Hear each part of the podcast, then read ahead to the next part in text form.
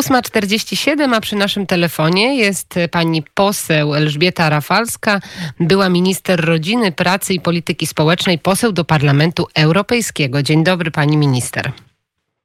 Dzień dobry pani, dzień dobry państwu.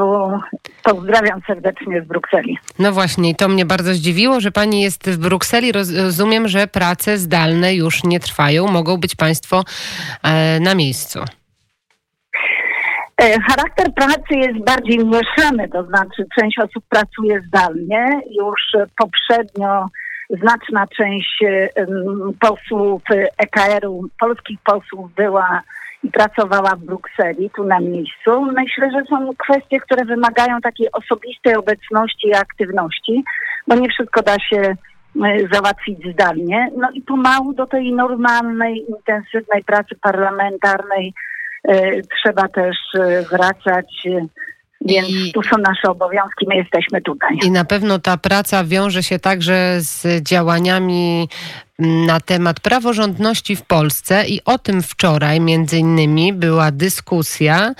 Dwudziestostronicowy projekt raportu powstał. Ocenia się, że sytuacja w zakresie praworządności w Polsce nie tylko nie została rozwiązana, ale wręcz uległa poważnemu pogorszeniu od czasu uruchomienia artykułu 7. Pani podczas tej debaty brała udział. Jak to wygląda od strony mm, technicznej i od środka?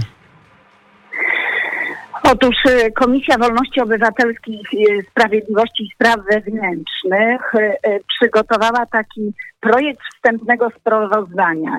Jest to taki wniosek, w którym stwierdza się wyraźne ryzyko poważnego naruszenia przez Polskę zasady praworządności. Mówimy o to, co wysmażyła Komisja Wolności i co w tym projekcie obszernym, jak pani redaktor dokumencie E, e, się znalazło. Ja mam takie wrażenie, że e, Polska, bo jak mówimy Polska, to za chwileczkę są Węgry, a jak ostatnio podczas debaty parlamentarnej mówiliśmy o Węgrzech, to też była Polska.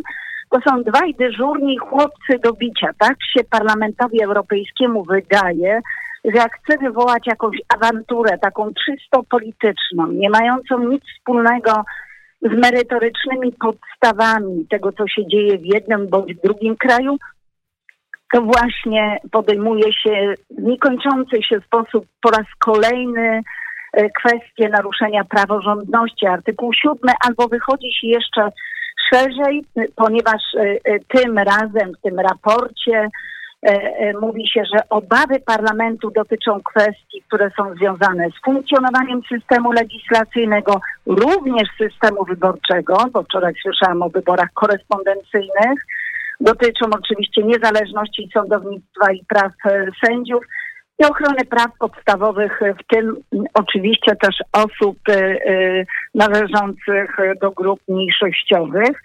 I to też jest taki, powiedziałabym, E, żelazny e, repertuar. Tak, jak spojrzymy na to, co jest w tym raporcie wstępnym, bo wiemy, że do 28 maja można jeszcze zgłaszać e, poprawki, tak, tak, mm, to, to możemy przeczytać między innymi o demonstracjach, możemy przeczytać o, o Polskim Rzeczniku Praw Obywatelskich i co mnie najbardziej zainteresowało, jako osobę pracującą w mediach i w radio, że należąca do państwa radiowa Trójka została oskarżona o cenzurowanie kultowej listy przebojów. Nawet takie rzeczy się pojawiają, pani poseł, w tym raporcie.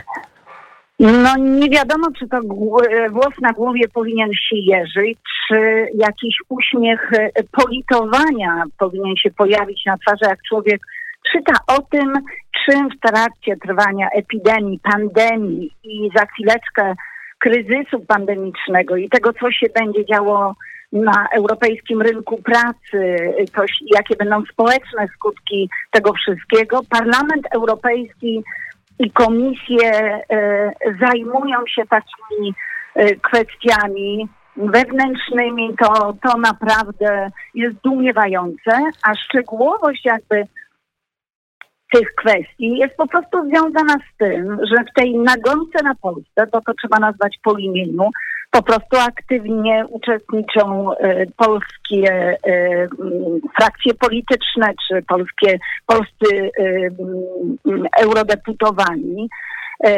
Polscy sędziowie, bo przez wczoraj obecna była sędzia Joanna Hetmarowicz-Sikora, Justiki, czy wystąpienie pani Sylwii Spurek no też było znamienne, bo żeby polski europoseł domagał się, no w dramatycznym niemalże wystąpieniu mówił, że najwyższa pora, żeby ukarać Polskę, żeby znaleźć jakiś mechanizm, który wymusi inne postępowanie, no to jest coś tak zdumiewającego. Pani poseł, jakie poprawki będą chcieli, jakie poprawki będą chcieli Państwo zgłosić do tego raportu? Czy, I drugie pytanie, czy ten raport będzie miał jakieś znaczenie dla nas jako kraju? Oczywiście nie ma tu żadnych y, podstaw prawnych, żeby y, Komisja Europejska tak dalece ingerowała. Nie ma y, tu żadnych też kompetencji, więc oczywiście można by było powiedzieć, że nie przejmujemy się tym raportem, ale też stawiamy sprawę w sposób oczywisty. Nie ma podstaw do stawiania takich zarzutów. Są wprost odpowiedzi na te zarzuty. Jest to element przede wszystkim ostrego sporu politycznego, który toczy się w Polsce i ten spór przeniesiono na forum międzynarodowe, na forum Unii Europejskiej i tu, tak jak powiedziałam, eurodeputowani y, y, mają też y, swój udział. Co należałoby poprawić? No ten raport z gruntu jest tak nierzetelny, tak krzywdzący, niesprawiedliwy, nie oparty o fakty, że w zasadzie w naszej ocenie nie da się e, tego sprawozdania, nie da się tego dokumentu w żaden sposób poprawić. I on po prostu mhm. powinien być w całości odrzucony. Tak jak też wcześniejsze inne dokumenty, które były przygotowane. No wczoraj też Patryk Jaki w imieniu naszej frakcji politycznej EKR-u odnosił się do, do tych kwestii, pokazując już w tym sprawozdaniu liczne sprzeczności, chociażby te odnoszące się, że raz wyroki Trybunału Konstytucyjnego nie są respektowane, a potem, że są respektowane. Tak jak w przypadku również Węgier było. Węgrzy byli karani za wprowadzenie stanu nadzwyczajnego. Nam stawiano zarzut, że w sytuacji epidemii nie wprowadzamy stanu nadzwyczajnego. Mówię to o tym, co się działo w Polsce. I za każdym razem podaje się przykłady, że no tak, inne kraje mogą tak postępować, ale w Polsce jest pewna specyfika. No nie trawią po prostu Parlament Europejski nie lubi rządów konserwatywnych, nie lubi rządów prawicowych i to jest ta, ta część ideologiczno-polityczna, która odbywa się tu w Parlamencie Pani poseł, ja jeszcze wrócę do, do tego, że w raporcie jest opisana państwowa trójka i radio publiczne. A pani co sądzi o tym, o tej całej sprawie, o tym całym zamieszaniu związanym właśnie z trójką? E, uważam, że mm, jakby charakter tego sporu, to co o, o, dzieje się w Polsce, jest w mojej ocenie jakimś rodzajem też no, trochę histerii politycznej. No nie może mm, e, e, ta sytuacja być na sztandarach opozycji pokazywana jako przejaw naruszania porządku demokratycznego. Jest to jedna z kwestii, którą można było może tak inaczej rozwiązać, ale przypisywanie temu jakiejś pierwszoplanowej roli, która jeszcze ma być argumentem przy naruszaniu porządku demokratycznego czy praworządności w Polsce, no to uważam, że tak jakbyśmy zgubili trochę e, proporcje w tym wszystkim, tak? I... Jak, jakby tu brakowało e, naprawdę umiaru. Powiedziała Pani, że można by było to inaczej rozwiązać. Już nie będę teraz dopytywać, bo na koniec pytanie. Polska może być największym płatnikiem netto w odniesieniu do PKB. 10,4 miliarda euro to jest 2% PKB będziemy wpłacać. To jest y, dobra informacja, czy raczej chyba niepokojąca może? No oczywiście, że w sytuacji, w której najwięcej wpłacamy, jesteśmy takim płatnikiem, to to zawsze trochę nas to e, niepokoi. Nie jest to chyba najlepsza informacja. No ale ona też e, wynika z określonej sytuacji. To rozumiem, że nie ulegnie raczej zmianie ta wysokość. No trudno mi powiedzieć. Nie mam tu jakby takiej pełnej wiedzy co do tego, że y, ta wysokość może ulec zmianie.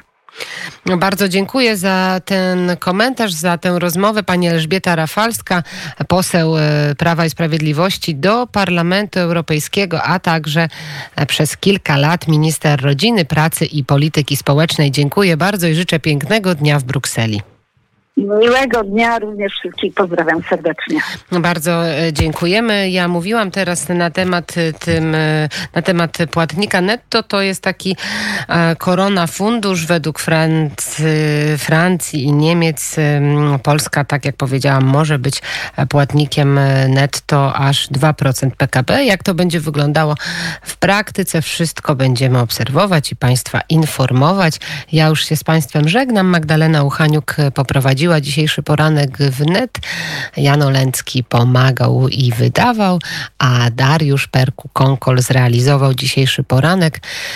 My przypominamy, dzisiaj jest piękny dzień mamy. Jedna chyba z najpiękniejszych mam e, wczoraj odeszła 25 maja po południu mm, Krystyna Barchańska, mama Emila Barchańskiego, najmłodszej ofiary stanu wojennego, odeszła e, i no i tak dzisiaj myślimy o mamach ciepło i tak, i tak prosto z serca. Wszystkiego dobrego i pięknego dnia Państwu życzę. Dzisiaj jest dzień mamy.